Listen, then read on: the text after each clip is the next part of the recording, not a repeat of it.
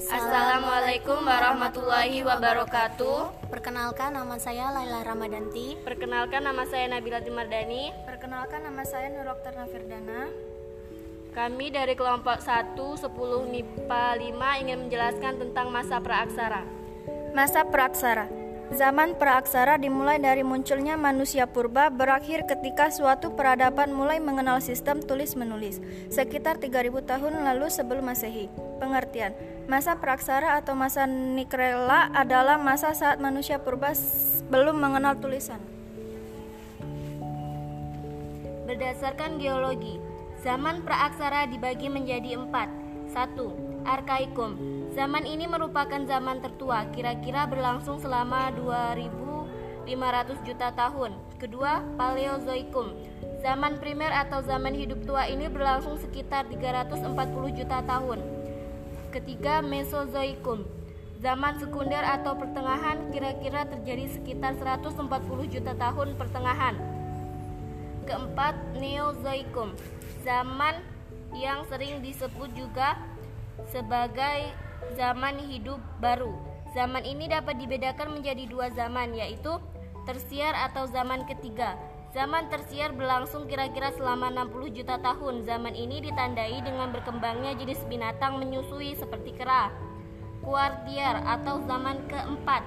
Zaman kuartier ditandai dengan adanya kehidupan manusia, kemudian dibagi lagi menjadi dua zaman, yaitu zaman Pleistocene atau Diluvium berlangsung kira-kira selama 60.000 tahun pada zaman ini ditandai dengan adanya manusia purba.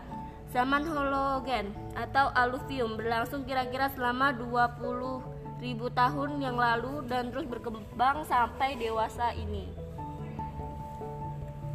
Sistem kepercayaan Animisme. Animisme adalah kepercayaan akan adanya roh atau makhluk halus. Dinamisme.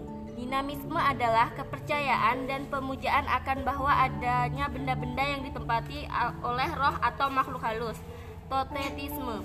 Totetisme adalah kepercayaan adanya daya atau kekuatan yang dikandung sebuah benda atau makhluk hidup selain manusia seperti hewan. Peninggalan pada masa praaksara yaitu contohnya dolmen, sarkofagus, nekara, menhir, kapak lonjong, pipisan, kapak genggam, kapak pendek, kapak Sumatera. Cara hidup di masa praaksara 1. Hidup di dekat sumber air atau di pinggir aliran sungai 2. Non-manden Hidup berpindah, tidak menetap 3. Food gathering Mencari makanan dengan berburu 4.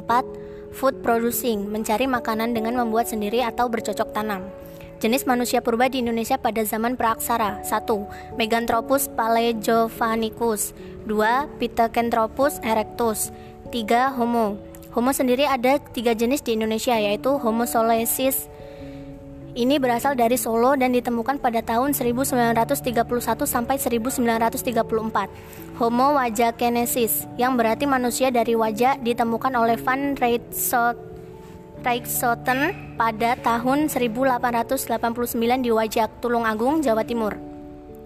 Homo sapiens merupakan generasi terakhir dari manusia purba.